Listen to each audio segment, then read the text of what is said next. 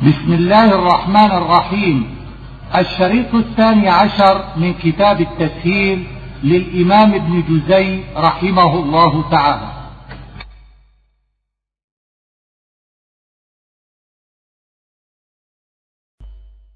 من أرضكم أي يخرجكم منها بالقتال أو بالحيل. وقيل المراد إخراج بني إسرائيل وكانوا خداما لهم فتخرب الأرض بخروج الخدام والعمال منها فماذا تأمرون من قول الملأ أو من قول فرعون وهو من معنى المؤامرة أي المشاورة أو من الأمر وهو ضد النهي؟ أرجه من قرأه بالهمزة فهو من أرجأت الرجل إذا أخرته فمعناه أخرهما حتى ننظر في أمرهما. وقيل المراد بالإرجاء هنا السجن. ومن قرأ بغير همز فتحتمل أن تكون بمعنى المهموز وسهلت الهمزة أو يكون بمعنى الرجاء أي أطمعه. وأما ضم الهاء وكسرها فلغتان وأما إسكانها فلعله أجري فيها الوصل مجرى الوقف. حاشرين يعني الشرطة جامعين للسحرة. وجاء, وجاء السحرة فرعون. قيل هنا محذوف يدل عليه سياق الكلام وهو أنه بعث إلى السحرة. إن لنا لأجرا من قرأه بهمزتين فهو استفهام ومن قرأه بهمزة واحدة فيحتمل أن يكون خبرا أو استفهاما حذفت منه الهمزة والأجر هنا الأجرة طلبوها من فرعون إن غلبوا موسى فأنعم لهم فرعون بها وزادهم التقريب منه والجاه عنده. وإنكم لمن المقربين. عطف على معنى نعم كأنه قال نعطيكم أجرا ونقربكم. واختلف في عدد السحرة اختلافا متباينا. من سبعين رجلا إلى سبعين ألفا وكل ذلك لا أصل له في صحة النقل. إما أن تلقي وإما أن نكون نحن الملقين. خيروا موسى بين أن يبدأ بالإلقاء أو يبدأ أو يبدأوا هم بإلقاء سحرهم. فأمرهم أن يلقوا. وانظر كيف عبروا عن إلقاء موسى بالفعل وعن إلقاء أنفسهم بالجملة الإسمية إشارة إلى أنهم أهل الإلقاء المتمكنون فيه. واسترهبوهم أي خوفوهم بما أظهروا لهم من أعمال السحر. أن ألق عصاك لما ألقاها صارت ثعبانا عظيما على قدر الحبل وقيل إنه طال حتى جاوز الفيل. تلقف أي تبتلع ما يأفكون أي ما صوروا من إفكهم وكذبهم. وروي أن الثعبان أكل ملء الوادي من حبالهم وعصيهم ومد موسى يده إليه فصار عصا كما كان فعلم السحرة أن ذلك ليس من السحر وليس في قدرة البشر فآمنوا بالله وبموسى عليه السلام. لأقطعن أيديكم الآية وعيد من فرعون للسحرة. وليس في القرآن أنه أنفذ ذلك لكن روي أنه أنفذه عن ابن عباس وغيره وقد ذكر معنى من خلاف في العقول.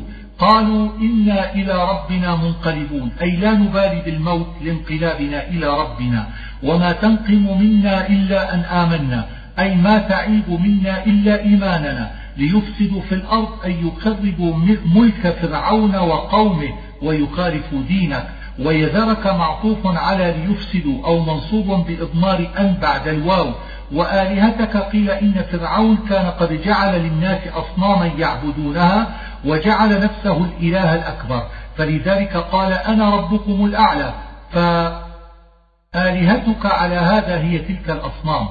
وقرأ علي بن أبي طالب وابن مسعود وابن عباس وإلهتك أي عبادتك والتذلل لك. إن الأرض لله تعليل للصبر ولذا أمرهم به يعني أرض الدنيا هنا وفي قول في قوله ويستخلفكم في الأرض وقيل يعني أرض فرعون فأشار لهم موسى فأشار لهم موسى أولا بالنصر في قوله يورثها من يشاء من عباده ثم صرح في قوله عسى ربكم الآية. فينظر كيف تعملون حظ على الاستقامة والطاعة بالسنين أي الجد والقحط. فإذا جاءتهم الحسنة الآية إذا جاءهم الخصب والرخاء قالوا هذه لنا وبسعدنا ونحن مستحقون له. وإذا جاءهم الجدب والشدة تطيروا بموسى أي قالوا هذه بشؤمه. فإن قيل لما قال إذا جاءتهم الحسنة بإذا وتعريف الحسنة وإن تصبهم سيئة بإن وتنكير السيئة فالجواب أن وقوع الحسنة كثير والسيئة وقوعها نادر فعرف الكثير الوقوع باللام التي هي للعهد وذكره بإذا لأنها تقتضي التحقيق وذكر السيئة بإن أو وذكر السيئة بإن لأنها تقتضي الشك ونكرها للتعليل. ألا, ألا إنما طائرهم عند الله أي إنما حظهم ونصيبهم الذي قدر لهم من الخير والشر عند الله وهو مأخوذ من زجر الطير ثم سمي به ما يصيب الإنسان ومقصود الآية الرد عليهم فيما نسبوا إلى موسى من الشؤم مهما هي ماء الشرطية ضمت إليها ماء الزائدة نحو أينما ثم قلبت الألف هاء وقيل هي اسم بسيط غير مركب والضمير في به يعود على مهما وإنما قالوا من آية على تسمية موسى لها آية أو على وجه التهكم. فأرسلنا عليهم الطوفان. روي أنه كان مطرا شديدا دائما مع فيض النيل حتى هدم بيوتهم وكادوا يهلكون وامتنعوا من الزراعة وقيل هو الطاعون. والجراد هو المعروف. أكل زروعهم وثمارهم حتى أكل ثيابهم وأبوابهم وسقف بيوتهم. والقمل قيل هي صغار الجراد وقيل البراغيث وقيل السوس. وقرئ القمل بفتح القاف والتخفيف فهي على هذا القمل المعروف. وكانت تتعلق بلحومهم وشعورهم. والضفادع هي المعروفة كثرت عندهم حتى امتلأت بها فرشهم وأوانيهم وإذا تكلم أحدهم وثبت الضفدع إلى فمه والدم صارت مياههم دما فكان يستسقي من البئر القبطي والإسرائيلي في إناء واحد فيخرج ما يلي القبطي دما وما يلي الإسرائيلي ماء ولما وقع عليهم الرجز أي العذاب وهي الأشياء المتقدمة. وكانوا مهما نزل بهم أمر منها عاهدوا موسى على أن يؤمنوا به إن كشفه عنهم. فلما كشفه عنهم نقضوا العهد وتمادوا على كفرهم. بما عهد عندك بدعائك إليه ووسائلك. والباء تحتمل أن تكون للقسم وجواب وجوابه لنؤمنن لك أو يتعلق بدع لنا. أي توسل إليه بما عهد عندك. في اليم البحر حيث وقع. القوم الذين كانوا يستضعفون هم بنو إسرائيل. مشارق الأرض ومغاربها الشام ومصر. باركنا فيها أي بالخصب وكثرة الأرزاق. وتمت كلمة ربك الحسنى على بني إسرائيل أي تمت لهم واستقرت. والكلمة هنا ما قضي لهم في الأزل.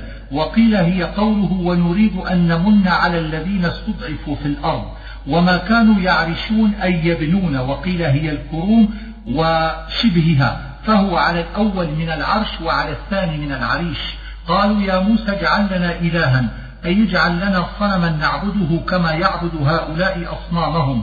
ولما تم خبر موسى مع فرعون ابتدأ خبره مع بني إسرائيل من هنا إلى قوله وإذ نتقنا الجبل. متبر من التبار وهو الهلاك. وهو فضلكم على العالمين وما بعده مذكور في البقرة.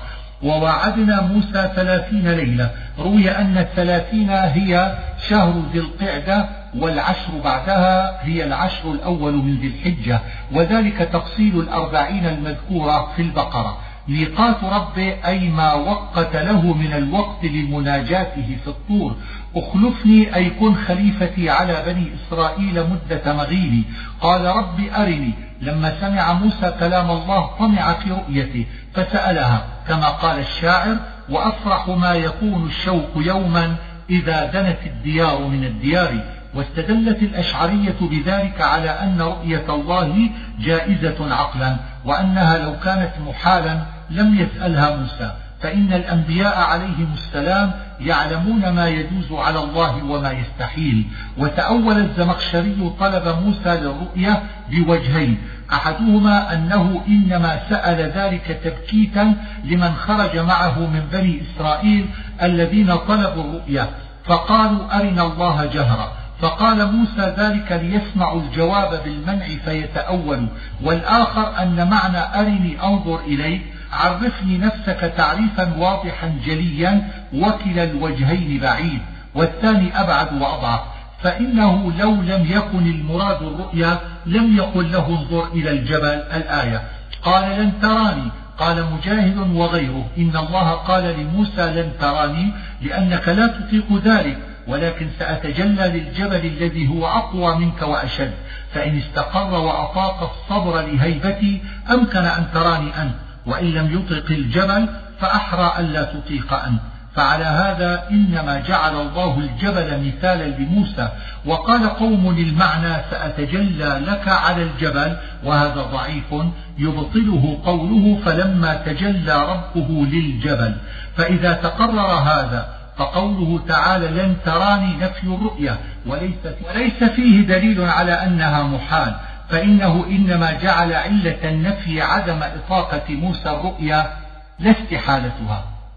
ولو كانت الرؤيا مستحيلة لكان في الجواب زجر وإغلاظ كما قال الله لنوح فلا تسألني ما ليس لك به علم إني أعظك أن تكون من الجاهلين. فهذا المنع من رؤية الله إنما هو في الدنيا لضعف البنية البشرية عن ذلك. وأما في الآخرة فقد صرح بوقوع الرؤية كتاب الله وسنة رسوله صلى الله عليه وسلم فلا ينكرها إلا مبتدع.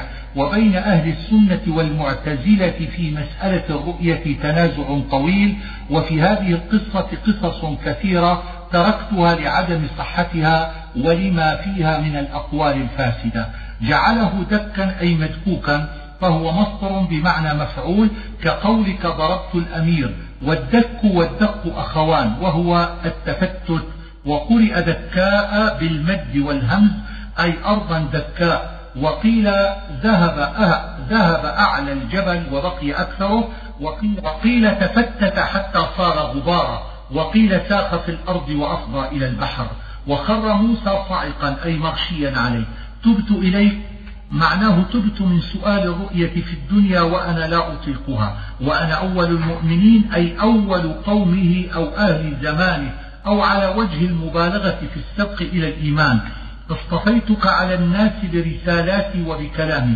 هو عموما يراد به الخصوص. فإن جميع الرسل قد شاركوه في الرسالة واختلف.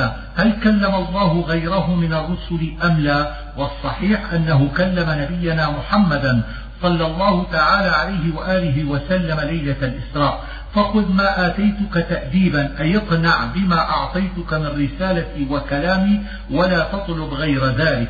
وكتبنا له في الألواح أي ألواح التوراة وكانت سبعة. وقيل عشرة وقيل اثنان وقيل كانت من زمردة وقيل كانت من ياقوت وقيل من خشب.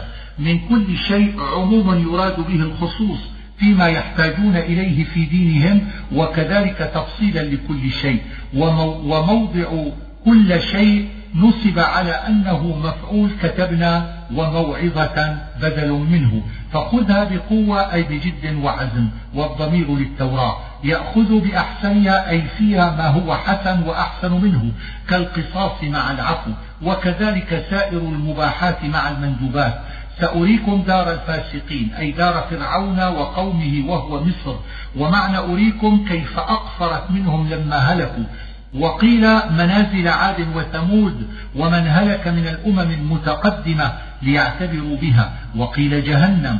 وقرأ ابن عباس سأورثكم بالتاء المثلثة من الوراثة. وهي على هذا مصدر لقوله وأورثناها بني إسرائيل. سأصرف عن آياتي الذين يتكبرون في الأرض. الآيات يحتمل هنا أن يراد بها القرآن وغيره من الكتب أو العلامات أو البراهين. والصرف يراد به حدهم عن فهمها وعن الإيمان بها عقوبة, عقوبة لهم على تكبرهم. وقيل الصرف منعهم من إبطالها. ولقاء الآخرة يجوز أن يكون من إضافة المصدر إلى المفعول به أي ولقاؤهم الآخرة أو من إضافة المصدر إلى الظرف. واتخذ قوم موسى هم بنو إسرائيل من بعده أي من بعد غيبته في الطور من حليهم بضم الحاء والتشديد جمع حلي نحو ثدي وثدي وقرئ بكسر الحاء للإتباع وقرئ بفتح الحاء وإسكان اللام والحي هو اسم ما يتزين به من الذهب والفضة. جسدا أي جسما دون روح وانتصابه على البدن. له خوار الخوار هو صوت البقر. وكان السامري قد قبض قبضة من تراب إثر فرس جبريل يوم قطع البحر فقذفه في العجل فصار له خوار. وقيل كان إبليس يدخل في جوف العجل فيصيح فيه فيسمع له خوار. أولم يروا أنه لا يكلمهم رد عليهم وإبطال لمذهبهم الفاسد في عبادته. اتخذوه أي اتخذوه إلها. فحذف المفعول الثاني للعلم به وكذلك حذف من قوله واتخذ قوم موسى.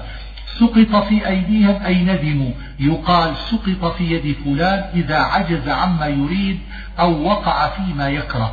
أسفا شديد الحزن على ما فعلوه وقيل شديد الغضب كقوله فلما آسفونا بئس ما خلفتموني أي قمتم مقامي وفاعل بئس مضمر يفسره ما واسم المذموم محذوف والمخاطب بذلك إما القوم الذين عبدوا العجل مع السامري حيث عبدوا غير الله في غيبة موسى عنهم أو رؤساء بني إسرائيل كهارون عليه السلام حيث لم يكفوا الذين عبدوا العجل. أعجلتم أمر ربكم؟ معناه أعجلتم عن أمر ربكم وهو انتظار موسى حتى يرجع من الطور. فإنهم لما رأوا أن الأمر قد تم ظنوا أن موسى عليه السلام قد مات فعبدوا العجل. وألقى الألواح طرحها لما لحقه من الدهش والضجر غضبا لله من عبادة العجل. وأخذ برأس أخيه أي شعر رأسه. يجره إليه لأنه ظن أنه فرط في كف الذين عبدوا العجل. هارون شقيق موسى وإنما دعاه بأمه لأنه أدعى إلى العطف والحنو وقرئ ابن أم بالكسر على الإضافة إلى ياء المتكلم وحذفت الياء بالفتح تشبيها بخمسة عشر جعل الاسمان اسما واحدا فبني. ولا تجعلني مع القوم الظالمين. أي لا تظن أني منهم أو لا تجد على علي في نفسك ما ما تجد عليهم. يعني أصحاب العجل. غضب من ربهم وذلة أي غضب في الآخرة وذلة في الدنيا. ولما سكت عن موسى الغضب أي سكن. وكذلك قرأ بعضهم. وقال الزمخشري قوله سكت مثل كأن الغضب كان يقول له ألق الألواح وجر برأس أخيك ثم سكت عن ذلك. وفي نسختها أي فيما ينسخ منها والنسخة فعلة بمعنى مفعول. لربهم يرهبون أي يخافون. ودخلت اللام لتقدم المفعول كقوله للرؤيا تعبرون وقال المبرد تتعلق بمصدر تقديره رهبتهم لربهم واختار موسى قومه أي من قومه.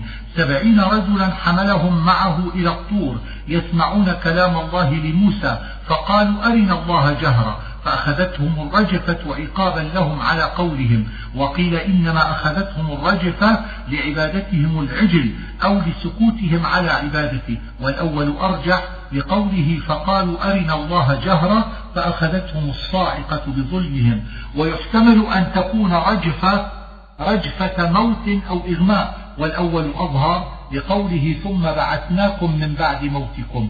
لو لو شئت أهلكتهم من قبل وإياي. يحتمل أن تكون لو هنا للتمني أي تمنوا أن يكون هو وهم قد ماتوا قبل ذلك لأنه خاف من تشغيب من تشغيب بني إسرائيل عليه إن رجع إليهم دون هؤلاء السبعين ويحتمل أن يكون قال ذلك على وجه التضرع والاستسلام لأمر الله كأنه قال لو شئت أن تهلكنا قبل ذلك لفعلت فإنا عبيدك وتحت قهرك وأنت تفعل ما تشاء. ويحتمل أن يكون قالها على وجه التضرع والرغبة كأنه قال لو, شئت أن تهلكنا قبل اليوم لفعلت ولكنك عافيتنا وأبقيتنا فافعل معنا الآن ما وعدتنا وأحي هؤلاء القوم الذين أخذتهم الرجفة. أتهلكنا بما فعل السفهاء منا؟ أي أتهلكنا؟ وتهلك سائر بني إسرائيل بما فعل السفهاء الذين طلبوا الرؤيا والذين عبدوا العجل فمعنى هذا إدلاء بحجته وتبرؤ من فعل السفهاء ورغبة إلى الله ألا يعم الجميع بالعقوبة. إن هي إلا فتنتك أي الأمور كلها بيدك. تضل بها من تشاء وتهدي من تشاء. ومعنى هذا اعتذار عن فعل السفهاء. فإنه كان بقضاء الله ومشيئته. إنا هدنا إليك أي تبنا. وهذا الكلام الذي قاله موسى عليه السلام إنما هو استعطاف ورغبة إلى الله وتضرع إليه. ولا يقتضي شيئا مما توهم الجهال فيه من الجفاء. في قوله أتهلكنا بما فعل السفهاء منا؟ لأن قد بينا أنه إنما قال ذلك استعطافا لله وبراءة من فعل السفهاء. قال عذابي أصيب به من أشاء. قيل الإشارة بذلك إلى الذين أخذتهم الرجفة. والصحيح أنه عموم يندرجون فيه مع غيرهم. وقرئ من أساء بالسين وفتح الهمزة من الإساءة وأنكرها بعض المقرئين. وقال إنها تصحيف. ورحمتي وسعت كل شيء. يحتمل أن يريد رحمته في الدنيا فيكون خصوصا في الرحمة وعموما في كل شيء. لأن المؤمن والكافر والمطيع والعاصي تنالهم رحمة الله ونعمته في الدنيا. ويحتمل أن يريد رحمة الآخرة فيكون خصوصا في كل شيء. لأن الرحمة في الآخرة مختصة بالمؤمنين ويحتمل أن يريد جنس الرحمة على الإطلاق. فيكون عموما في الرحمة وفي كل شيء. فسأكتبها للذين يتقون. إن كانت الرحمة المذكورة رحمة الآخرة فهي بلا شك مختصة بهؤلاء الذين كتب بها الله لهم وهم أمة محمد صلى الله عليه وآله وسلم. وإن كانت رحمة الدنيا فهي أيضا مختصة بهم لأن الله نصرهم على جميع الأمم وأعلى دينهم على جميع الأديان ومكن لهم في الأرض ما لم يمكن لغيرهم. وإن كانت على الإطلاق فقوله سأكتبها تخصيص للإطلاق. والذين هم بآياتنا يؤمنون أي يؤمنون بجميع الكتب والأنبياء وليس ذلك لغير هذه الأمة. الذين يتبعون الرسول. هذا الوصف خصص أمة محمد صلى الله عليه وآله وسلم. قال بعضهم لما قال ورحمتي وسعت كل شيء طمع فيها كل أحد حتى إبليس. فلما قال فسأكتبها للذين يتقون فيئس إبليس لعنه الله وبقيت اليهود والنصارى. النبي الأمي أي الذي لا يقرأ ولا يكتب.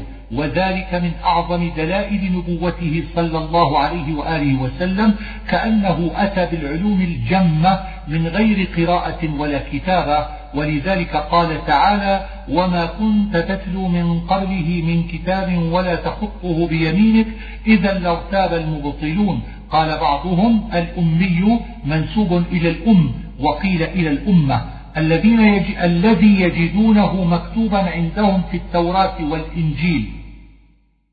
ضمير الفاعل في يجدونه لبني إسرائيل وكذلك الضمير في عندهم ومعنى يجدونه يجدون نعته وصفته. ولنذكر هنا ما ورد في التوراة والإنجيل وأخبار المتقدمين من ذكر نبينا محمد صلى الله عليه وآله وسلم.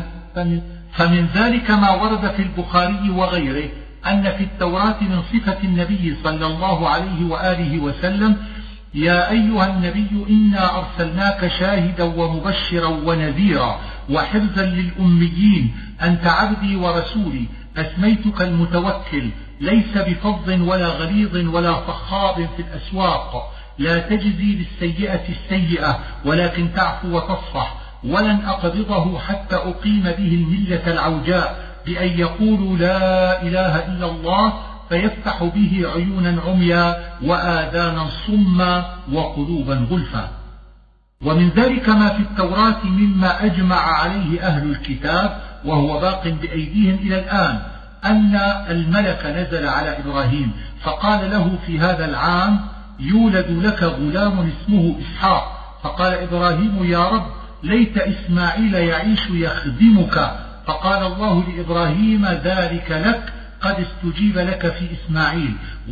وأنا أباركه وأنميه وأكبره وأعظمه بماذا ماذا وتفسير هذه الحروف محمد.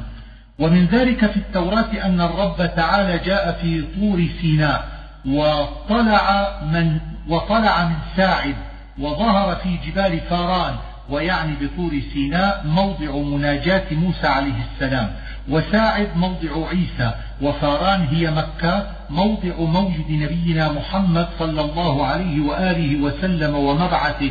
ومعنى ما ذكر من مجيء الله وطلوعه وظهوره هو ظهور دينه على يد الأنبياء الثلاثة المنسوبين لتلك المواضع. وتفسير, وتفسير ذلك ما في كتاب شعيا خطابا لمكة قومي فأزهري مصباحك فقد دنا وقتك وكرامة الله طالعة عليك فقد تخلل الأرض الظلام وعلى على الأمم المصاب والرب يشرق عليك إشراقا ويظهر كرامته عليك وتسير الأمم إلى نورك والملوك إلى ضوء طلوعك. ارفعي بصرك إلى ما حولك وتأملي فإنهم مستجمعون عندك وتحج إليك عساكر الأمم. وفي بعض كتبهم لقد تقطعت السماء من بهاء محمد المحمود وامتلأت الأرض من حمده لأنه ظهر بخلاص أمته. ومن ذلك في التوراة أن هاجر أم إسماعيل لما غضبت عليها سارة تراءى لها ملك فقال لها, فقال لها يا هاجر أين تريدين؟ ومن أين أقبلت؟ فقالت أهرب من سيدتي سارة. فقال لها ارجعي إلى سارة وستحبلين وتلدين ولدا اسمه إسماعيل وهو يكون عين الناس وتكون يده فوق الجميع وتكون يد الجميع مبسوطة إليه بالخضوع. ووجه دلالة هذا الكلام على نبوة محمد صلى الله عليه وآله وسلم أن هذا الذي وعدها به الملك من أن يد ولدها فوق الجميع وأن يد الجميع مبسوطة إليه بالخضوع إنما ظهرت بمبعث النبي صلى الله عليه وآله وسلم وظهور دينه وعلو كلمته ولم يكن ذلك لإسماعيل ولا لغيره قبل محمد صلى الله عليه وآله وسلم. ومن ذلك أيضا في التوراة أن الرب يقيم لهم نبيا من إخوتهم وأي رجل لم يسمع ذلك الكلام الذي يؤديه ذلك النبي عن الله فينتقم الله منه. ودلالة هذا الكلام ظاهرة بأن أولاد إسماعيل هم إخوة أولاد إسحاق. وقد انتقم الله من اليهود الذين لم يسمعوا كلام محمد صلى الله عليه وآله وسلم كبني قريظة وبني قينقاع وغيرهم. ومن ذلك في التوراة إن الله أوحى إلى إبراهيم عليه السلام وقد أجبت دعاءك في إسماعيل وباركت عليه وسيلد اثني عشر عظيما وأجعله لأمة عظيمة. ومن ذلك, أن ومن ذلك في الإنجيل أن المسيح قال للحواريين إني ذاهب عنكم. وسيأتيكم الفارق ليط الذي لا يتكلم من قبل نفسه إنما يقول كما يقال له وبهذا وصف الله سبحانه نبينا محمدا صلى الله عليه وآله وسلم في قوله وما ينطق عن الهوى إن هو إلا وحي يوحى وتفسير الفارقليط أنه مشتق من الحمد واسم نبينا محمد صلى الله عليه وآله وسلم محمد وأحمد وقيل معنى الفارقليط الشافع المشفع. ومن ذلك في التوراة مولده بمكة ومسكنه بطيبة وأمته الحمادون وبيان ذلك أن أمته يقرؤون الحمد لله في صلاتهم مرارا كثيرا في كل يوم وليلة. وعن شهر بن حوشب مثل ذلك في إسلام كعب الأحبار. وهو من اليمن من حمير أن كعبا أخبره بأمره وكيف كان ذلك وقيل كان أبوه من مؤمن أهل التوراة برسول الله صلى الله عليه وآله وسلم وكان من عظمائهم وخيارهم. قال كعب وكان من أعلم الناس بما أنزل الله على موسى من التوراة وبكتب الأنبياء ولم يكن يدخر عني شيئا مما كان يعلم. فلما حضرته الوفاة دعاني فقال يا بني قد علمت أني لم أكن أدخر عنك شيئا مما كنت أعلم إلا أني حبست عنك ورقتين فيهما ذكر نبي يبعث وقد أضل زمانه فكرهت أن أخبرك بذلك فلا آمن عليك بعد وفاتي أن يخرج بعض هؤلاء الكذابين فتتبعه وقد قطعتهما من كتابك وجعلتهما في هذه القوة التي ترى وطينت عليهما. فلا تتعرض لهما ولا تنظرهما زمانك هذا وأقرهما في موضعهما حتى يخرج ذلك النبي. فإذا خرج فاتبعه وانظر فيهما فإن الله يزيدك بهذا خيرا. فلما مات والدي لم يكن شيء أحب إلي من أن ينقضي المأتم حتى أنظر ما في الورقتين. فلما انقضى المأتم فتحت الكوة ثم استخرجت الورقتين. فإذا فيهما محمد رسول الله صلى الله عليه وآله وسلم خاتم النبيين لا نبي بعده مولده بمكة ومهاجره بطيبة ليس بفض ولا غليظ ولا صخاب في الأسواق ولا يجزي بالسيئة السيئة ولكن يجزي بالسيئة الحسنة ويعفو ويغفر ويصفح. أمته الحمادون الذين يحمدون الله على كل شرف وعلى كل حال وتتذلل بالتكبير ألسنتهم وينصر الله نبيهم على كل من ناوأه يغسلون خروجهم بالماء ويأتذرون على أوساطهم وأناجيلهم في صدورهم ويأكلون قربانهم في بطونهم ويؤجرون عليها وتراحمهم بينهم تراحم بني الأم والأب وهم أول من يدخل الجنة يوم القيامة من الأمم وهم السابقون المقربون والشافعون المشفع لهم. فلما قرأت هذا قلت في نفسي والله ما علمني شيئا خيرا لي من هذا فمكثت ما شاء الله حتى بعث النبي صلى الله عليه وآله وسلم وبيني وبينه بلاد بعيدة منقطعة لا أقدر على إتيانه. وبلغني أنه خرج في مكة. فهو يظهر مرة ويستخفي مرة. فقلت هو هذا. وتخوفت ما كان والدي حذرني وخوفني من ذكر الكذابين. وجعلت أن أتبين وأتثبت. فلم أزل بذلك حتى بلغني أنه أتى المدينة. فقلت في نفسي إني لأرجو أن يكون إياه. وجعلت ألتمس السبيل إليه. فلم يقدر لي حتى بلغني أنه توفي رسول الله صلى الله عليه وآله وسلم فقلت في نفسي لعله لم يكن الذي كنت أظن. ثم بلغني أن خليفة قام مقامه. ثم لم ألبث إلا قليلا حتى جاءتنا جنود فقلت في نفسي لا أدخل في هذا الدين حتى أعلم أهم الذين كنت أرجو وأنتظر وأنظر كيف سيرتهم وأعمالهم وإلى ما تكون عاقبتهم. فلم أزل أدفع ذلك وأؤخره لأتبين وأتثبت حتى قدم علينا عمر بن الخطاب. فلما رأيت صلاة المسلمين وصيامهم وبرهم ووفاءهم بالعهد وما صنع الله لهم على الأعداء علمت أنهم هم الذين كنت أنتظر فحدثت نفسي بالدخول في دين الإسلام. فوالله إني ذات ليلة فوق سطح فإذا برجل من المسلمين يتلو كتاب الله حتى أتى على هذه الآية. يا, يا أيها الذين أوتوا الكتاب آمنوا بما نزلنا مصدقا لما معكم من قبل أن نطمس وجوها فنردها فنردها على أدبارها أو نلعنهم كما لعنا أصحاب السبت وكان أمر الله مفعولا. فلما سمعت هذه الآية خشيت الله ألا أصبح حتى يحول وجهي في قفاي فما كان شيء أحب إلي من الصباح فغدوت على عمر فأسلمت حين أصبح. وقال كعب لعمر عند انصرافهم إلى الشام يا أمير المؤمنين إنه مكتوب في كتاب الله إن هذه البلاد التي كان فيها بنو إسرائيل وكانوا أهلها مفتوحة على يد رجل من الصالحين رحيم بالمؤمنين شديد على الكافرين. سره مثل علانيته وعلانيته مثل سره وقوله لا يخالف فعله. والقريب والبعيد عنده في الحق سواء وأتباعه رهبان بالليل وأسد بالنهار. متراحمون متواصلون متبازلون. فقال له عمر ثكلتك أمك حق ما تقول؟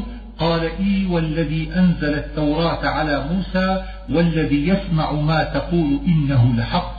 فقال عمر الحمد لله الذي أعزنا وشرفنا وأكرمنا ورحمنا بمحمد صلى الله عليه وآله وسلم التي وسعت كل شيء.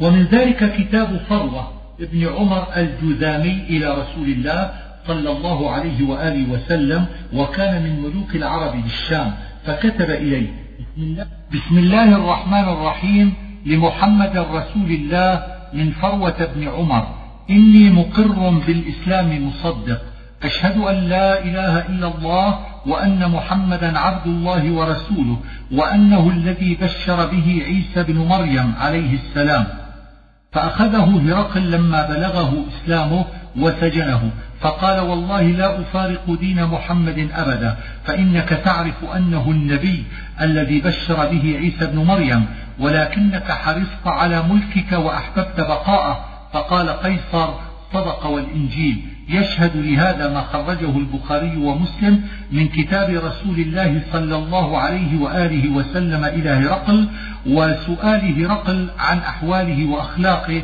صلى الله عليه وآله وسلم فلما أخبر بها علم أنه رسول الله وقال إنه يملك موضع قدمي ولو خلصت إليه لغسلت قدمي. ومن حديث زيد بن أسلم عن أبيه وهو عندنا بالإسناد أن عمر بن الخطاب رضي الله عنه خرج زمان الجاهلية مع ناس من قريش في التجارة إلى الشام.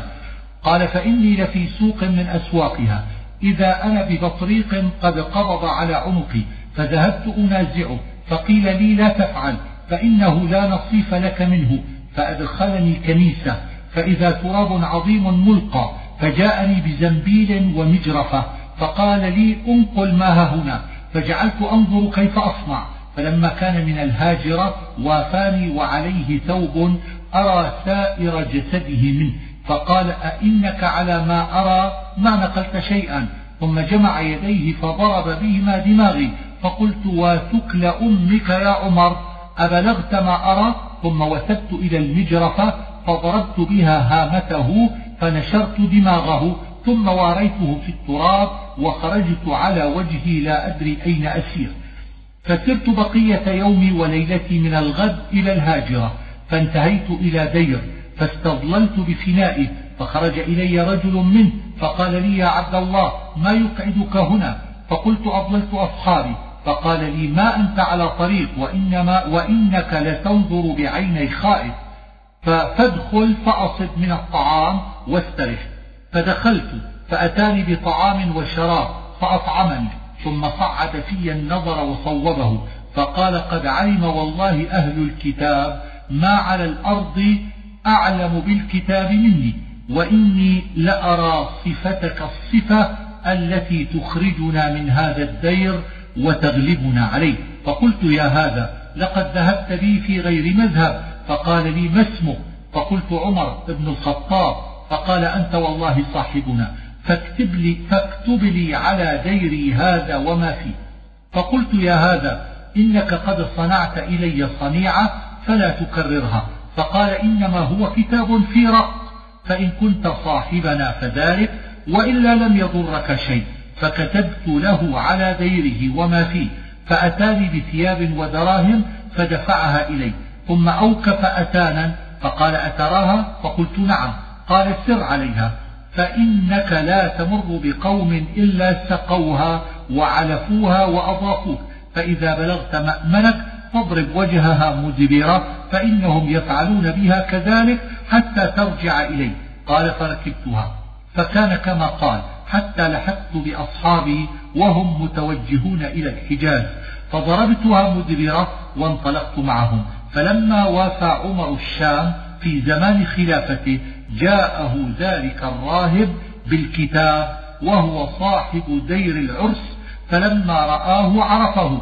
فقال قد جاء ما لا مذهب لعمر عنه ثم أقبل على أصحابه فحدثهم بحديثه فلما فرغ منه أقبل على الراهب فقال هل عندكم من نفع للمسلمين؟ قال نعم يا أمير المؤمنين قال إن أضفتم المسلمين ومرضتموهم وأرشدتموهم فعلنا ذلك قال نعم يا أمير المؤمنين فوفى له عمر رضي الله عنه ورحمه.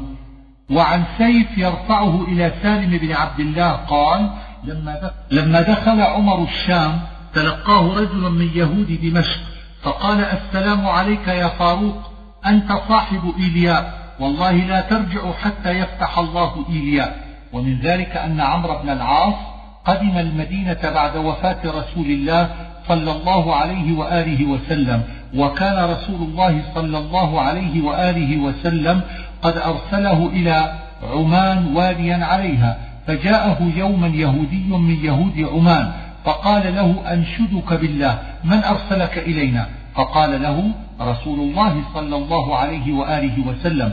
فقال اليهودي والله إنك لتعلم أنه رسول الله. قال عمر اللهم نعم. فقال اليهودي لئن كان حقا ما تقول لقد مات اليوم. فلما سمع عمر ذلك جمع أصحابه وكتب ذلك اليوم الذي قاله. قال له اليهودي أن النبي صلى الله عليه وآله وسلم مات فيه ثم خرج فأخبر بموت النبي صلى الله عليه وآله وسلم وهو في الطريق ووجده قد مات في ذلك اليوم. صلى الله عليه وسلم وبارك وشرف وكرم.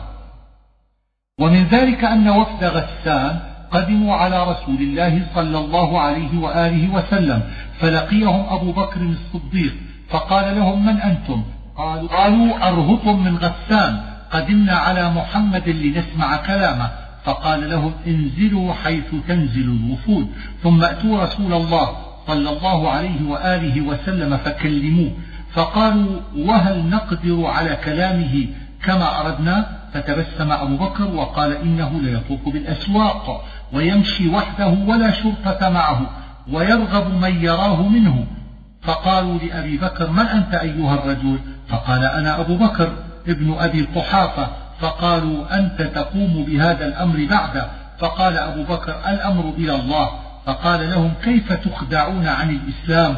وقد أخبركم أهل الكتاب بصفته وأنه آخر الأنبياء ثم لقوا رسول الله صلى الله عليه وآله وسلم فأسلموا.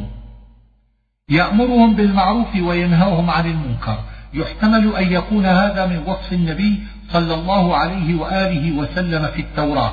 فتكون الجملة في موضع الحال من ضمير المفعول في يجدونه أو تفسيرا لما كتب من ذكره أو يكون استئناف وصف من الله تعالى غير مذكور في التوراة والإنجيل ويحل لهم الطيبات ويحرم عليهم الخبائث. مذهب مالك أن الطيبات هي الحلال وأن الخبائث هي الحرام. ومذهب الشافعي أن الطيبات هي المستلذات إلا ما حرمه الشرع منها كالخمر والخنزير وأن الخبائث هي المستقذرات كالخنافس والعقارب وغيرها. ويضع عنهم إصرهم وهو مثل لما كلفوا في شرعهم من المشقات كقتل الأنفس في التوبة وقطع موضع النجاسة من الثوب وكذلك الأغلال عبارة عما منعت منه شريعتهم كتحريم الشحوم وتحريم العمل يوم السبت وشبه ذلك. وعزروه أي منعوه بالنصر حتى لا يقوى عليه عدو. واتبعوا النور الذي أنزل معه هو القرآن أو الشرع كله ومعنى معه مع بعثه ورسالته. إني رسول الله إليكم جميعا تفسير قوله صلى الله عليه وآله وسلم وكان كل نبي يبعث إلى قومه خاصة وبعثت إلى الناس كافة فإعراب جميعا حال من الضمير في إليكم. الذي له ملك السماوات والأرض نعت لله أو منصوب على المدح بإضمار فعل أو مرفوع على أنه خبر ابتداء مضمر. يؤمن بالله وكلماته هي الكتب التي أنزلها الله عليه وعلى غيره من الأنبياء. ومن قوم موسى أمة هم الذين ثبتوا حين تزلزل غيرهم في عصر موسى أو الذين آمنوا بمحمد صلى الله عليه وآله وسلم في عصره. وقطعناهم أي فرقناهم. أسباطا السبط في بني إسرائيل كالقبيلة في العرب وانتصابه على البدل من اثنتي عشرة لا على التمييز. فإن تمييز اثنتي عشرة لا يكون إلا مفردا. وقال الزمخشري على التمييز لأن كل قبيلة أسباط لا ست فانبجست أي انفجرت إلا أن الانبجاس أخف من الانفجار. وقال القزويني الانبجاس أول الانفجار. وظللنا عليهم الغمام وما بعده إلى قوله بما كانوا يظلمون مذكور في البقرة. تنبيه وقع الاختلاف في اللفظ بين هذا الموضع من هذه السورة وبين سورة البقرة في قولهم فجرت وانبجست وقوله وإذ قلنا ادخلوا وإذ قيل لهم اسكنوا وقوله وكلوا بالواو وفكلوا بالفاء. فقال الزمخشري لا بأس باختلاف العبارتين إذا لم يكن هناك تناقض وعللها شيخنا الأستاذ أبو جعفر ابن الزبير في كتاب ملاك التأويل وصاحب الدرة بتعليلات منها قوية وضعيفة وفيها طول فتركناها لطولها. واسألهم أي اسأل اليهود على جهة التقرير والتوبيخ. عن القرية قيل هي إلياء وقيل هي طبرية وقيل مدين حاضرة البحر قريبة منه أو على شاطئه إذ يعدون في السبت أي يتجاوزون حد الله فيه وهو اصطيادهم يوم السبت وقد نهوا عنه وموضع إذ بدل من القرية والمراد أهلها وهو بدل اشتمال أو منصوب بكانت أو بحاضرة إذ تأتيهم حيتانهم يوم سبتهم شرعا كانت الحيتان تخرج من البحر يوم السبت حتى تصل إلى بيوتهم ابتلاء لهم إذ كان صيدها عليهم حراما في يوم السبت وتغيب عنهم في سائر الأيام. وسبتهم مصدر من قولك ثبت اليهودي يثبت إذا عظم يوم السبت. ومعنى شرعا ظاهرة قريبة منهم يقال شرع منا فلان إذا دنا. وإذ في قوله إذ تأتيهم, إذ تأتيهم منصوب بيعدون أو بدل من إذ يعدون. قالت أمة منهم لم تعظون قوما الآية؟ افترقت بنو إسرائيل ثلاث فرق. فرقة عصت يوم السبت بالصيد وفرقة نهت عن ذلك واعتزلت القوم وفرقة سكتت واعتزلت. فلم تنهى ولم تعصي. وأن الفرقة لما رأت مهاجرة الناهية وطغيان العاصية قالوا للفرقة الناهية لم تعظون قوما يريد الله أن يهلكهم أو يعذبهم؟ فقالت الناهية ننهاهم معذرة إلى الله ولعلهم يتقون. فهلكت الفرقة العاصية ونجت الناهية واختلف في الثالثة هل هلكت لسكوتها أو نجت لاعتزالها وتركها العصيان بعذاب بئيس أي شديد وقرئ بالهمز وتركه وقرئ على وزن فعيل وعلى وزن فيعل وكلها من معنى البؤس. فلما عتوا عما نهوا عنه أي لما تكبروا عما نهوا عنه قلنا لهم كونوا قردة خاسئين ذكر في البقرة والمعنى أنهم عذبوا أولا بعذاب شديد فعتوا بذلك فمسخوا قردة وقيل فلما عتوا تكرار لقوله فلما نسوا والعذاب البئيس هو المسخ. تأذن ربك عزمه وهو من الإيذان بمعنى الإعلام. ليبعثن عليهم الآية أي يسلط عليهم. ومن ذلك أخذ الجزية وهوانهم في جميع البلاد. وقطعناهم في الأرض أي فرقناهم في البلاد. ففي كل بلدة فرقة منهم فليس لهم إقليم يملكونه. منهم الصالحون هم من أسلم كعبد الله بن سلام أو من كان صالحا من المتقدمين منهم. بالحسنات والسيئات أي بالنعم والنقم. فخلف من بعدهم خلف أي حدث بعدهم قوم سوء والخلف بسكون اللام ذم وبفتحها مدح. والمراد من حدث من اليهود بعد المذكورين وقيل المراد النصارى. يأخذون عرض هذا الأدنى أي عرض الدنيا ويقولون سيغفر لنا ذلك اغترار منهم وكذب. وإن يأتهم عرض مثله يأخذوه الواو للحال يرجون المغفرة وهم يعودون إلى مثل فعلهم. ميثاق الكتاب ألا يقولوا على الله إلا الحق إشارة إلى كذبهم في قولهم سيغفر لنا وإعراب ألا يقولوا عطف بيان على ميثاق الكتاب أو تفسير له أو تكون أن حرف عبارة وتفسير. والذين يمسكون بالكتاب قرئ بالتشديد والتخفيف وهما بمعنى واحد. وإعراب الذين عطف على الذين يتقون أو مبتدأ وخبره إنا لا نضيع أجر المصلحين وأقام ذكر المصلحين مقام الضمير لأن المصلحين هم الذين يمسكون بالكتاب وإذ نتقنا الجبل فوقهم. أي اقتلعنا الجبل ورفعناه فوق بني إسرائيل وقلنا لهم خذوا التوراة حين أبوا من أخذها وقد تقدم في البقرة تفسير الظلة وخذوا ما آتيناكم بقوة. وإذ أخذ ربك من بني آدم من ظهورهم ذريتهم وأشهدهم على أنفسهم ألست بربكم الآية؟ في معناها قولان. أحدهما أن الله لما خلق آدم أخرج ذريته من صلبه وهم مثل الذر وأخذ عليهم العهد بأنه ربهم فأقروا بذلك والتزموه روي هذا المعنى عن النبي صلى الله عليه وآله وسلم من طرق كثيرة وقال به جماعة من الصحابة وغيرهم. والثاني أن ذلك من باب التمثيل وأن أخذ الذرية عبارة عن إيجادهم في الدنيا وأما إشهادهم فمعناه أن الله نصب لبني آدم الأدلة على ربوبيته فشهدت بها عقولهم فكأنه أشهدهم على أنفسهم وقال لهم ألست بربكم؟ وكأنهم قالوا بلسان الحال بلى أنت ربنا. والأول هو الصحيح لتواتر الأخبار به إلا أن ألفاظ الآية لا تطابقه بظاهرها فلذلك عدل عنه من قال بالقول الآخر. وإنما تطابقه بتأويل وذلك أن أخذ الذرية إنما كان من صلب آدم.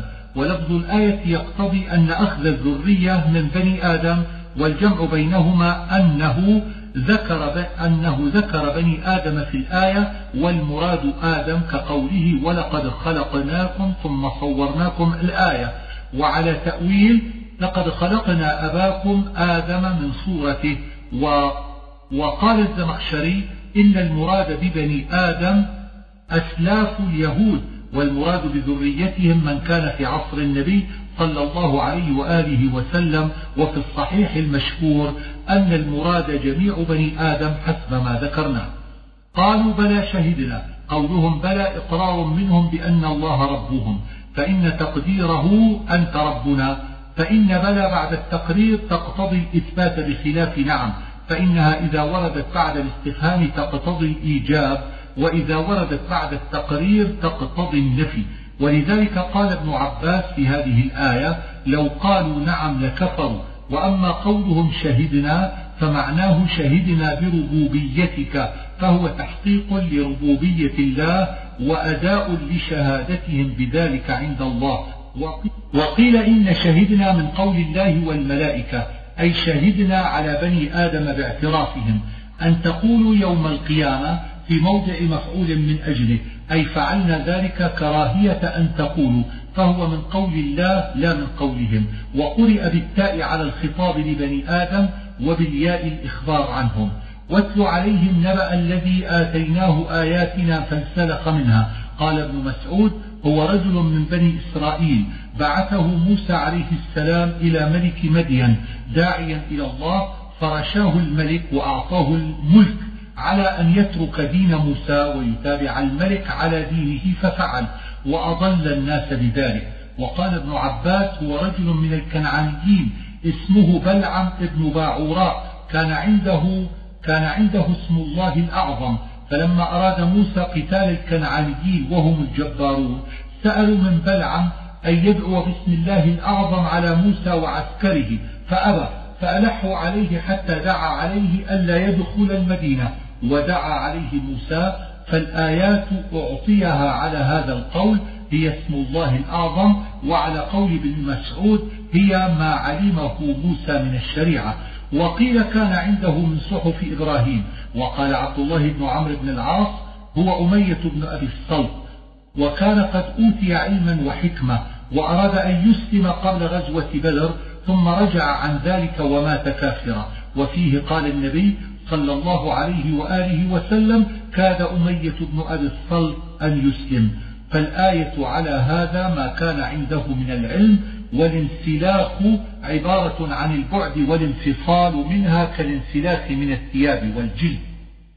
ولو شئنا لرفعناه بها أي لرفعنا منزلته بالآيات التي كانت عنده ولكنه أقلد إلى الأرض عبارة عن فعله لما سقطت به منزلته عند الله فمثله كمثل الكلب أي صفته كصفة الكلب وذلك غاية في الخسة والرداءة إن تحمل عليه يلهث أو تتركه يلهث.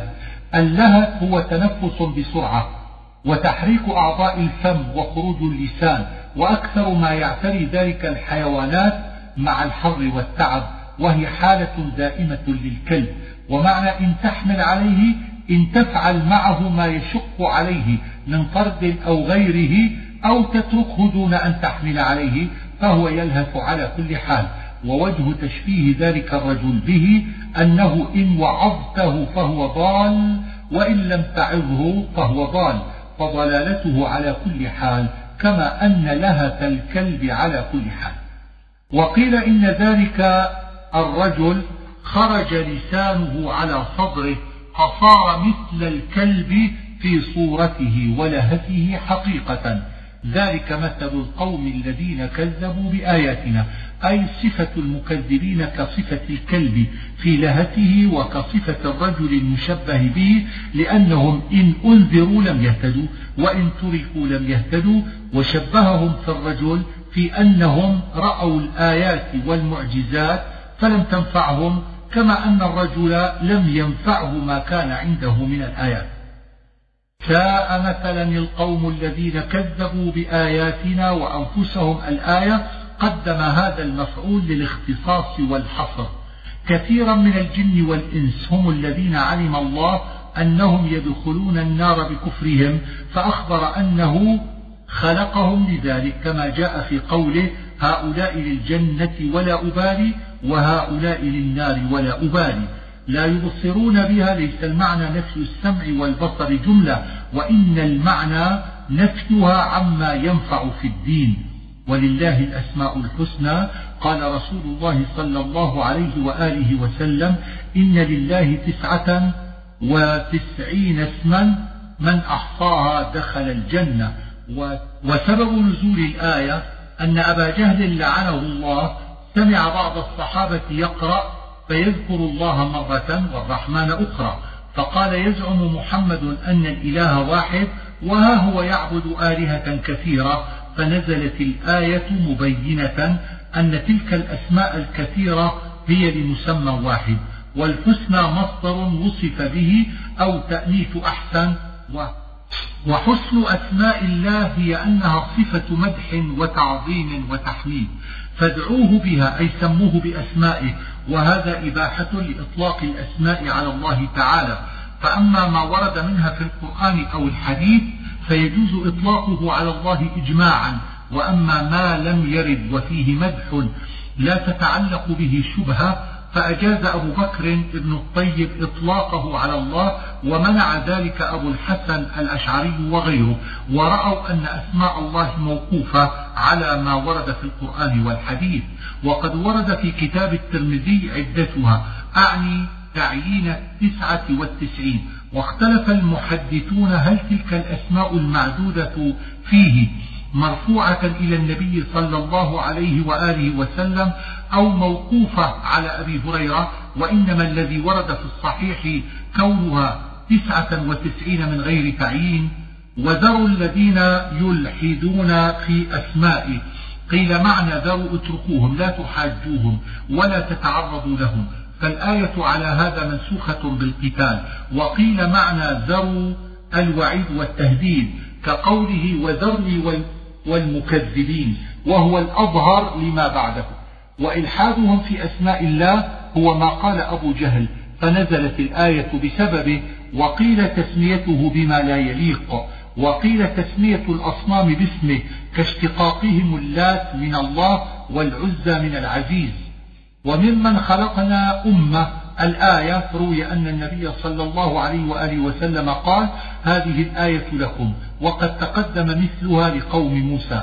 سنستدرجهم الاستدراج استفعال من الدرجة أي نسوقهم إلى الهلاك شيئا بعد شيء وهم لا يشعرون. والإمهال مع إرادة العقوبة. إن كيدي متين سمى فعله بهم كيدا لأنه شبيه بالكيد في أن ظاهره إحسان وباطنه خذلان. أولم يتفكروا ما بصاحبهم من جنة يعني بصاحبهم النبي صلى الله عليه وآله وسلم. فنفى عنه ما نسب له المشركون من الجنون. ويحتمل أن يكون قوله ما بصاحبهم من جنة معمولا لقوله أولم يتفكروا فيوصل به. والمعنى أولم يتفكروا فيعلمون أن ما بصاحبهم من جنة ويحتمل أن يكون الكلام قد تم في قوله أولم يتفكروا ثم ابتدأ إخبارا استئنافا لقوله ما بصاحبهم من جنة والأول أحسن. أولم ينظروا؟ يعني نظر استدلال ما خلق الله عطف على الملكوت ويعني بقوله من شيء جميع المخلوقات. إذ جميعها دليل على وحدانية خالقها وأن, وأن عسى أن يكون قد اقترب أجلهم.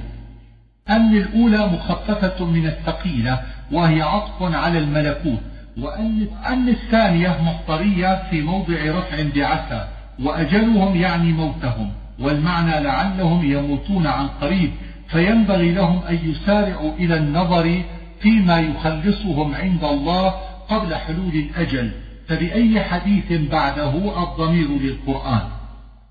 يسألونك عن الساعة السائلون اليهود أو قريش وسميت القيامة ساعة لسرعة حسابها كقوله وما أمر الساعة إلا كلمح البصر أو هو أقرب أيان مرساها؟ معنى أيان متى؟ ومرساها وقوعها وحدوثها وهو من الإرساء بمعنى الثبوت.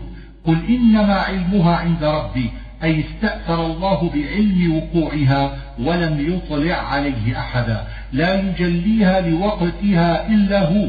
معنى يجليها يظهرها. فهو من الجلاء ضد الخفاء واللام في لوقتها ظرفية أي عند وقتها. والمعنى لا يظهر الساعة عند مجيء وقتها إلا الله. ثقلت في السماوات والأرض. في معناه ثلاثة أقوال. الأول ثقلت على أهل السماوات والأرض لهيبتهم أو لهيبتها عندهم وخوفهم منها. والثاني ثقلت على أهل السماوات والأرض أنفسها لتفطر السماء فيها وتبديل الأرض. والثالث معنى ثقلت أي ثقل علمها أي خفي. يسألونك كأنك حفي عنها. الحفي بالشيء هو المهتبل به المعتني به. والمعنى يسألونك عنها كأنك حفي بعلمها وقيل المعنى يسألونك عنها كأنك حفي بهم لقرابتك منهم. فعنها على هذين القولين يتعلق بيسألونك وقيل المعنى يسألونك كأنك حفي بالسؤال عنها. ولو كنت أعلم الغيب لاستكثرت من الخير براءة من علم الغيب واستدلال على عدم علمك وما مسني السوء عاطف على لاستكثرت من الخير. أي لو علمت الغيب لاستكثرت من الخير واحترست من السوء ولكن لا أعلم فيصيبني ما قدر لي من الخير والشر. وقيل إن قوله وما مسني السوء استئناف إخفار. والسوء على هذا هو الجنون واتصاله بما قبله أحسن. لقوم يؤمنون. يجوز أن يتعلق ببشير ونذير معا أي, أي أبشر المؤمنين وأنذرهم وخص بهم البشارة والنذارة لأنهم هم الذين ينتفعون بها. ويجوز أن يتعلق بالبشارة وحدها. ويكون المتعلق بنذير محذوف أي نذير للكافرين والأول أحسن. من نفس واحدة يعني آدم. وزوجها يعني حواء ليسكن إليها يميل إليها ويستأنس بها. تغشاها كناية عن الجماع. حملت حملا خفيفا أي خف عليها ولم تلق منه ما يلقى بعض الحوامل من حملهن من الأذى والكر وقيل الحمل الخفيف المني في فرجها. فمرت به قيل معناه استمرت به إلى حين ميلاده. وقيل معناه قامت وقعدت فلما أثقلت أي ثقل حملها وصارت به ثقيلة. لئن آتيتنا صالحا أي ولدا صالحا سالما في بدنه. فلما آتاهما صالحا جعل له شركاء فيما آتاهما. أي لما آتاهما ولدا صالحا كما طلبا جعل أولادهما له شركاء. فالكلام على حذف المضاف وإقامة المضاف إليه مقامة. وكذلك فيما آتاهما أي فيما آتى أولادهما وذريتهما. وقيل إن حواء لما حملت جاءها إبليس وقال لها إن أطعتيني وسميت ما في بطنك عبد الحارث فسأخلصه لك وكان اسم إبليس الحارث. وإن عصيتني في ذلك قتلته فأخبرت بذلك آدم فقال لها إنه عدونا الذي أخرجنا من الجنة. فلما ولدت مات الولد ثم حملت مرة أخرى فقال لها إبليس مثل ذلك فعصته فمات الولد ثم حملت مرة ثالثة فسمياه عبد الحارث طمعا في حياته فقوله جعل له شركاء فيما آتاهما أي في التسمية لا غير لا في عبادة غير الله والقول الأول أصح لثلاثة أوجه. أحدهما أنه يقتضي براءة آدم وزوجه من قليل الشرك وكثيره وذلك هو حال الأنبياء عليهم الصلاة والسلام. والثاني أنه يدل على أن الذين أشركوا هم أولاد آدم وذريته لقوله تعالى فتعالى الله عما يشركون بضمير الجمع والثالث أن ما ذكروا من قصة آدم وتسمية الولد عبد الحارث يفتقر إلى نقل بسند صحيح وهو غير موجود في تلك القصة. وقيل من نفس واحدة هو قصي بن كلاب وزوجته وجعل له شركاء أي سموا أولادهما عبد العزى وعبد الدار وعبد مناف. وهذا القول بعيد لوجهين. أحدهما أن الخطاب على هذا خاص بذرية قصي من قريش والظاهر أن الخطاب عام لبني آدم. والآخر أن قوله وجعل منها زوجها فإن هذا يصح في حواء لأنها خلقت من ضلع آدم ولا يصح في زوجة قصي أيشركون, أيشركون ما لا يخلق شيئا وهم يخلقون؟ هذه الآية رد على المشركين من بني آدم والمراد بقوله ما لا يخلق شيئا الأصنام وغيرها مما عبد من دون الله والمعنى أنها مخلوقة غير خالقة. والله تعالى خالق غير مخلوق فهو الإله وحده. ولا يستطيعون لهم نصرا ولا أنفسهم ينصرون. يعني أن الأصنام لا ينصرون من عبدهم ولا ينصرون أنفسهم فهم في غاية العجز والذلة فكيف يكونون آلهة؟ وإن تدعوهم إلى الهدى لا يتبعوكم. يعني إن الأصنام لا تجيب إذا دعيت إلى أن تهدي أو تهدى لأنها جمادات. سواء عليكم أدعوتموهم أم أنتم صامتون. تأكيد وبيان لما قبلها. فإن قيل لما قال أم أنتم صامتون فوضع الجملة الاسمية موضع الجملة الفعلية. وهلا قال أو صمتم فالجواب, فالجواب إن صمتهم عن دعاء الأصنام كانت حالة مستمرة فعبر هنا بجملة اسمية لتقتضي الاستمرار على ذلك. إن الذين تدعون من دون الله عباد أمثالكم. رد على المشركين بأن آلهتهم عباد. فكيف يعبد العبد مع ربه؟ فادعوهم فليستجيبوا. أمر على جهة التعجيز. ألهم أرجل يمشون بها وما بعد معناه أن الأصنام جمادات عادمة للحس والجوارح والحياة والقدرة ومن كان كذلك لا يكون إلها. فإن من وصف الإله الإدراك والحياة والقدرة وإنما جاء هذا البرهان بلفظ الاستفهام لأن المشركين مقرون أن أصنامهم لا تمشي ولا تبطش ولا تبصر ولا تسمع فلزمته الحجة. والهمزة في قوله ألهم للاستفهام مع التوبيخ وأم في المواضع الثلاثة تضمنت معنى الهمزة ومعنى بل وليست عاطفة. قل ادعوا شركاءكم ثم كيدوني فلا تنظرون. المعنى استنجدوا أصنامكم لمضرتي والكيد علي ولا تؤخروني فإنكم وأصنامكم لا تقدرون على مضرتي ومقصد الآية الرد عليهم ببيان عجز أصنامهم وعدم قدرتها على المضرة وفيها إشارة على التوكل على الله والاعتصام به وحده وأن غيره لا يقدر على شيء. ثم أصح بذلك في قوله إن ولي الله الآية أي هو حافظي وناصري منكم فلا تضرونني ولو حرصتم أنتم وآلهتكم على مضرتي. ثم وصف الله بأنه الذي أنزل الكتاب وبأنه يتولى الصالحين. وفي هذين الوصفين استدلال على صدق النبي صلى الله عليه وآله وسلم بإنزال الكتاب عليه وبأن الله تولى حفظه. ومن تولى حفظه فهو من الصالحين. والصالح لا بد أن يكون صادقا في قوله ولا سيما فيما يقوله عن الله. والذين تدعون من دون الله لا يستطيعون نصركم. الآية رد على المشركين وقد تقدم معناه. وإن تدعوهم إلى الهدى لا يسمعوا. يحتمل أن يريد الأصنام فيكون تحقيرا لهم. وردا على من عبدها. فإنها جمادات لا تسمع شيئا. فيكون المعنى كالذي تقدم. أو يريد الكفار. ووصفهم بأنهم لا يسمعون. يعني سماعا ينتفعون به لإفراط نفورهم. أو لأن الله طبع على قلوبهم. وتراهم ينظرون إليك وهم لا يبصرون.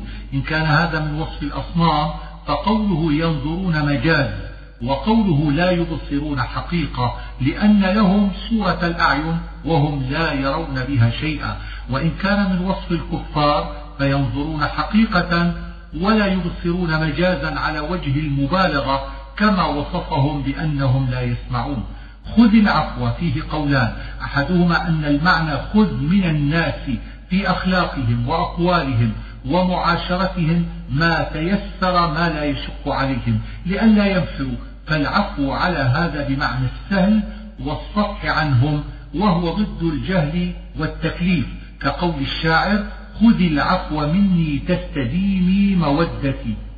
والآخر أن المعنى خذ من الصدقات ما سهل على الناس في أموالهم أو ما فضل لهم وذلك قبل فرض الزكاة. فالعفو على هذا بمعنى السهل أو بمعنى الكثرة وأمر بالعرف أي بالمعروف وهو فعل الخير. وقيل العفو الجاري بين الناس من العوائد. واحتج المالكية بذلك على الحكم بالعوائد.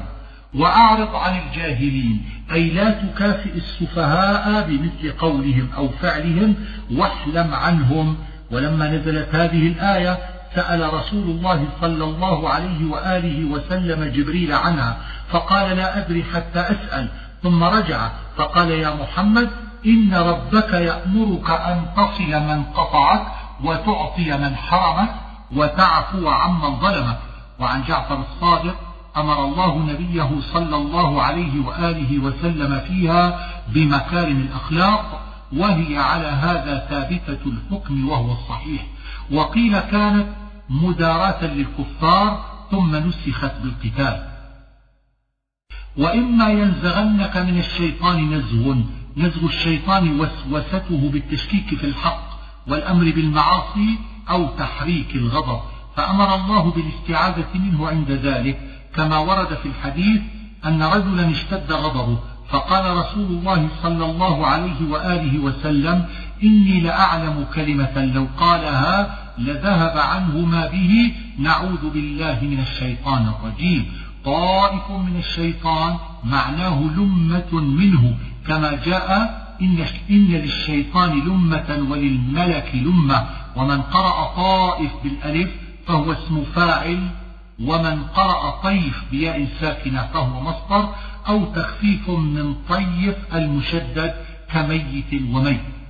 تذكروا حذف مفعول ليعم كل ما يذكر من خوف عقاب الله أو رجاء ثوابه أو مراقبته والحياء منه أو عداوة الشيطان والاستعاذة منه والنظر والاعتبار وغير ذلك. فإذا هم مبصرون هو من بصيرة القلب. وإخوانهم يمدونهم في الغي. الضمير في إخوانهم للشياطين. وأريد بقوله طائف من الشيطان الجنس. ولذلك أعيد عليه ضمير الجماعة وإخوانهم هم الكفار ومعنى يمدونهم يكونون مددا لهم يعضدونهم وضمير المفعول في يمدونهم للكفار وضمير الفاعل للشيطان. ويحتمل أن يريد بالإخوان الشياطين ويكون الضمير في إخوانهم للكفار. والمعنى على الوجهين أن الكفار يمدهم الشيطان وقرئ يمدونهم بضم الياء وفتحها والمعنى واحد وفي الغي يتعلق بيمدونهم وقيل يتعلق بإخوانهم كما تقول إخوة في الله أو في الشيطان. ثم لا يقصرون أي لا يقصر الشياطين عن إمداد إخوانهم الكفار أو لا يقصر الكفار عن غيهم. وفي الآية من إدراك البيان لزوم ما لا يلزم بالالتزام. الصاد قبل الراء في مبصرون ولا يقصرون. وإذا لم تأتهم بآية قالوا لولا اجتبيتها الضمير في لم تأتهم للكفار ولولا هنا عوض. وفي معنى اجتبيتها قولان. أحدهما اخترعتها من قبل نفسك فالآية على هذا من القرآن. وكان النبي صلى الله عليه وآله وسلم يتأخر عنه الوحي أحيانا فيقول الكفار هل لا جئت بقرآن من قولك؟ والآخر معناه طلبتها من الله وتخيرتها عليه. فالآية على هذا معجزة أي يقولون اطلب المعجزة من الله. قل إنما أتبع ما يوحى إلي من ربي. معناه لا أخترع القرآن على القول الأول ولا أطلب آية من الله على القول الثاني. هذا بصائر أي علامات هدى والإشارة إلى القرآن. وإذا قرئ القرآن فاستمعوا له وأنصتوا. فيه ثلاثة أقوال. أحدها أن الإنصات المأمور به هو لقراءة الإمام في الصلاة. والثاني أنه الإنصات للخطبة. والثالث أنه الإنصات لقراءة القرآن على الإطلاق وهو الراجح لوجهين. أحدهما أن اللفظ عام ولا دليل على تخصيصه. والثاني أن الآية مكية والخطبة إنما شرعت بالمدينة. لعلكم ترحمون قال بعضهم الرحمة أقرب شيء إلى مستمع القرآن لهذه الآية. واذكر ربك في نفسك يحتمل أن يريد الذكر بالقلب دون اللسان أو الذكر باللسان سرا. فعلى الأول يكون قوله ودون الجهر من القول عطف متغاير أي حالة أخرى. وعلى الثاني يكون بيانا وتفسيرا للأول. بالغدو والآصال أي في الصباح والعشي. والآصال جمع أصل والأصل جمع أصيل. وقيل المراد صلاة الصبح والعصر وقيل فرض الخمس والأظهر الإطلاق. إن الذين عند ربك هم الملائكة عليهم السلام وفي ذكرهم تحريض للمؤمنين وتعريض للكفار وله يسجدون قدم المجرور لمعنى الحصر أي لا يسجدون إلا لله والله أعلم. سورة الأنفال. نزلت هذه السورة في غزوة بدر وغنائمها. يسألونك عن الأنفال الخطاب للنبي صلى الله عليه وآله وسلم والسائلون هم الصحابة والأنفال هي الغنائم وذلك أنهم كانوا يوم بدر ثلاث فرق فرقة مع النبي صلى الله عليه وآله وسلم في العريش تحرسه وفرقة اتبعوا المشركين فقتلوهم وأسروهم وفرقة أحاطوا بأسلاب العدو وعسكرهم لما انهزموا فلما انجلت الحرب واجتمع الناس رأت كل فرقة أنها أحق بالغنيمة من غيرها واختلفوا فيما بينهم فنزلت الآية ومعناها يسألونك عن حكم الغنيمة ومن يستحقها؟ وقيل الأنفال هنا ما ينفله الإمام لبعض الجيش من الغنيمة زيادة على حظه وقد اختلف الفقهاء هل يكون التنفيل من الخمس وهو قول مالك أو من الأربعة الأخماس وهو أو من رأس الغنيمة قبل إخراج الخمس قل الأنفال لله والرسول أي الحكم فيهما لله والرسول لا لكم وأصلحوا ذات بينكم أي اتفقوا وائتلفوا ولا تنازعوا. ذات هنا بمعنى الأحوال قاله الزمخشري وقال ابن عطية يراد بها في هذا الموضع نفس الشيء وحقيقته. وقال الزبيري إن إطلاق الذات على نفس الشيء وحقيقته ليس من كلام العرب. وأطيعوا الله ورسوله يريد في الحكم في الغنائم.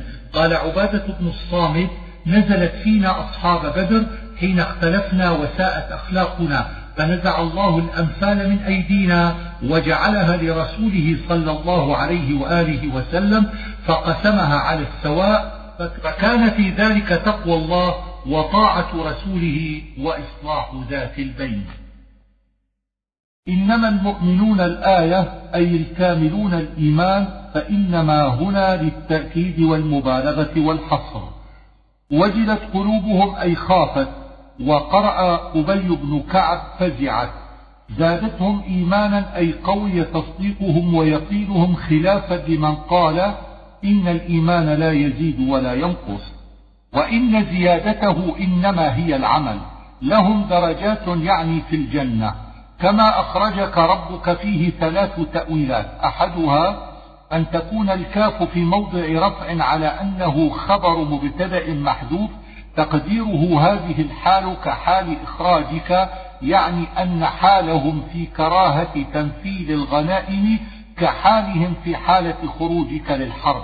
والثاني أن يكون في موضع الكاف نصب على أنه صفة لمصدر الفعل المقدر في قوله الأنفال لله والرسول أي استقرت الأنفال لله والرسول استقرارا مثل استقرار خروجك. والثالث أن تتعلق الكاف بقوله يجادلونك. من بيتك يعني مسكنه بالمدينة إذ أخرجه الله لغزوة بدر. وإن فريقا من المؤمنين لكارهون أي كرهوا قتال العدو. وذلك أن عير قريش أقبلت من الشام فيها أموال عظيمة ومعها أربعون راكبا. فأخبر بذلك جبريل النبي صلى الله عليه وآله وسلم فخرج بالمسلمين فسمع بذلك أهل مكة فاجتمعوا وخرجوا في عدد كثير ليمنعوا عيرهم. فجاء جبريل عليه السلام فقال يا محمد إن الله قد وعدكم إحدى الطائفتين إما العير وإما قريش. فاستشار النبي صلى الله عليه وآله وسلم فقالوا العير أحب إلينا من لقاء العدو. فقال إن العير قد مضت على ساحل البحر وهذا أبو جهل قد أقبل. فقال له سعد بن عبادة امضي, امضي لما شئت فإنا متبعوك. وقال سعد بن معاذ والذي بعثك بالحق لو خضت هذا البحر لخضناه معك فسر بنا على بركة الله. يجادلونك في الحق بعدما تبين. كان جدالهم في لقاء قريش بإيثارهم لقاء العير إذ كانت أكثر أموالا وأقل رجالا. وتبين الحق هو إعلام رسول الله صلى الله عليه وآله وسلم بأنهم ينصرون. كأنما يساقون إلى الموت تشبيه لحالهم في إفراط جزعهم من لقاء قريش. وإذ يعدكم الله إحدى الطائفتين يعني قريش أو عيرهم والعامل في إذ محذوف تقديره اذكروا أنها لكم بدل من إحدى الطائفتين وتودون أن غير ذات الشوكة تكون لكم الشوكة عبارة عن السلاح سميت بذلك لحدتها والمعنى تحبون أن تلقوا الطائفة التي لا سلاح لها وهي العير. أن يحق الحق يعني يظهر الإسلام بقتل الكفار وإهلاكهم يوم بدر. ليحق الحق متعلق بمحذوف تقديره ليحق الحق ويبطل الباطل فعل ذلك. وليس تكرارا للأول لأن الأول مفعول يريد. وهذا تعليل لفعل الله تعالى. ويحتمل أن يريد بالحق الأول الوعد بالنصرة وبالحق الثاني الإسلام. فيكون المعنى أن نصرهم ليظهر الإسلام ويؤيد هذا قوله ويبطل الباطل يبطل الكفر. إذ تستغيثون ربكم إذ بدل من إذ يعدكم وقيل يتعلق بقوله ليحق الحق أو بفعل مضمر واستغاثتهم دعاؤهم بالغوث والنصر. ممدكم أي مكثركم مردفين من قولك ردفه إذا تبعه. وأردفته إياه إذا أتبعته إياه والمعنى يتبع بعضهم بعضا فمن قرأه بفتح الدال فهو اسم مفعول ومن قرأه بالكسر فهو اسم فاعل. وصح معنى القراءتين لأن الملائكة المنزلين يتبع بعضهم بعضا فمنهم تابعون ومتبوعون. وما جعله الله الضمير عائد على الوعد أو على الإمداد بالملائكة. إذ يغشيكم النعاس إذ بدل من إذ يعدكم أو منصوب بالنصر أو بما عند الله من معنى النصر أو بإضمار فعل تقديره أذكر.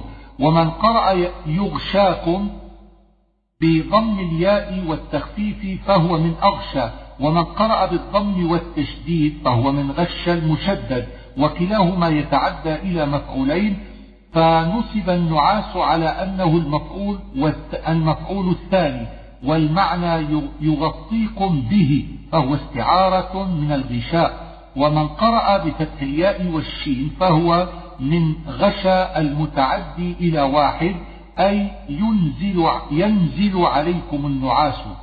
أمنة منه أي أمنا والضمير المجرور يعود على الله تعالى وانتصاب أمنة على أنه مفعول من أجله. قال ابن مسعود النعاس عند حضور القتال علامة أمن من العدو. وينزل عليكم من السماء ماء تعديد لنعمة أخرى وذلك أنهم عدموا الماء في غزوة بدر قبل وصولهم إلى بدر. وقيل بعد وصولهم فأنزل الله لهم المطر حتى سالت الأودية. ليطهركم به كان منهم من أصابته جنابة فتطهر بماء المطر وتوضأ به سائرهم وكانوا قبله ليس عندهم ماء للطهر ولا للوضوء. ويذهب عنكم رجز الشيطان. كان الشيطان قد ألقى في نفوس بعضهم وسوسة بسبب عدم الماء. فقالوا نحن أولياء الله وفينا رسوله. فكيف نبقى بلا ماء؟ فأنزل الله المطر وأزال عنهم وسوسة الشيطان. وليربط على قلوبكم أي يثبتها بزوال ما وسوس لها الشيطان وبتنشيطها وإزالة الكسل عنها ويثبت به الأقدام. الضمير في به عائد على الماء وذلك أنهم كانوا في رملة دهمة لا يثبت فيها قدم. فلما نزل المطر تلبدت وتدقت الطريق وسهل المشي عليها والوقوف. وروي أن ذلك المطر بعينه صعب الطريق على المشركين فتبين أن ذلك من لطف الله. إذ يوحي يحتمل أن يكون ذلك بدلا من إذ المتقدمة كما أنها بدل من التي قبلها أو يكون العامل فيه يثبت. فثبت الذين آمنوا. يحتمل أن يكون التثبيت بقتال الملائكة مع المؤمنين أو بأقوال مؤنسة مقوية للقلب. قالوها إذ تصوروا بصور بني آدم أو بإلقاء الأمن في نفوس المؤمنين سألقي في قلوب الذين كفروا الرعب يحتمل أن يكون من خطاب الله للملائكة في شأن غزوة بدر تكميلا لتثبيت المؤمنين أو استئناف إخبار عما يفعله الله في المستقبل. فاضربوا فوق الأعناق. يحتمل أيضا أن يكون خطابا للملائكة أو للمؤمنين. ومعنى فوق الأعناق أي على الأعناق حيث المفصل بين الرأس والعنق لأنه مذبح والضرب فيها يطير الرأس. وقيل المراد الرؤوس لأنها فوق الأعناق وقيل المراد الأعناق وفوق زائدة. كل بنان قيل هي المفاصل وقيل الأصابع وهو الأشهر في اللغة وفائدة ذلك أن المقاتل إذا ضربت أصابعه تعطل عن القتال فأمكن أسره وقتله. ذلك بأنهم شاقوا الله ورسوله. الإشارة إلى ما أصاب الكفار يوم بدر والباء للتعليل وشاقوا من الشقاق وهو العداوة والمقاطعة. ذلكم فذوقوه الخطاب هنا للكفار. وذلكم مرفوع تقديره ذلكم العقاب أو العذاب. ويحتمل أن يكون منصوبا بقوله فذوقوه كذا كقولك زيدا فاضربه وأن للكافرين عطف على ذلكم على تقدير رفعه أو نصبه أو مفعول معه والواو بمعنى معه. زحفا حال من الذين كفروا أو من الفاعل في لقيتم ومعناه متقابل الصفوف والأشخاص وأصل الزحف الاندفاع فلا تولوهم الأدبار نهي عن الفرار مقيدا بأن يكون الكفار أكثر من مثلي المسلمين حسبما يذكره في موضعه ومن يولهم يومئذ أي يوم اللقاء في أي عصر كان إلا متحرفا لقتال هو الكر بعد الفر ليري عدوه أنه منهزم ثم يعطف عليه وذلك من الخداع في الحرب. أو متحيزا إلى فئة أي منحازا إلى جماعة من المسلمين فإن كانت الجماعة حاضرة في الحرب فالتحيز إليها جائز باتفاق واختلف في التحيز إلى المدينة. والإمام والجماعة إذا لم يكن شيئا من ذلك حاضرا. ويروى عن عمر بن الخطاب أنه قال أنا فئة لكل مسلم وهذا إباحة لذلك والفرار من الذنوب الكبائر. وانتصب قوله متحرفا على الاستثناء من قوله ومن يولهم وقال, وقال الزمخشري انتصب على الحال وإلا له. ووزن متحيزا متفيعلا ولو كان على متفعل لقال متحول لأنه من حاز يحوز. أي لم يكن قتلهم في قدرتكم لأنهم أكثر منكم وأقوى ولكن الله قتلهم بتأييدكم عليهم وبالملائكة. وما رميت إذ رميت. كان رسول الله صلى الله عليه وآله وسلم قد أخذ يوم بدر قبضة من تراب وحصى ورمى بها وجوه الكفار فانهزموا. فمعنى الآية أن ذلك من الله في الحقيقة. بلاء حسنا يعني الأجر والنصر والغنيمة. موهن من الوهن وهو الضعف وقرئ بالتشديد والتخفيف. وهو بمعنى واحد. إن تستفتح الآية خطاب لكفار قريش وذلك أنهم كانوا قد دعوا الله أن ينصر أحب الطائفتين إليه. وروي أن الذي دعا بذلك أبو جهل فنصر الله المؤمنين وفتح لهم.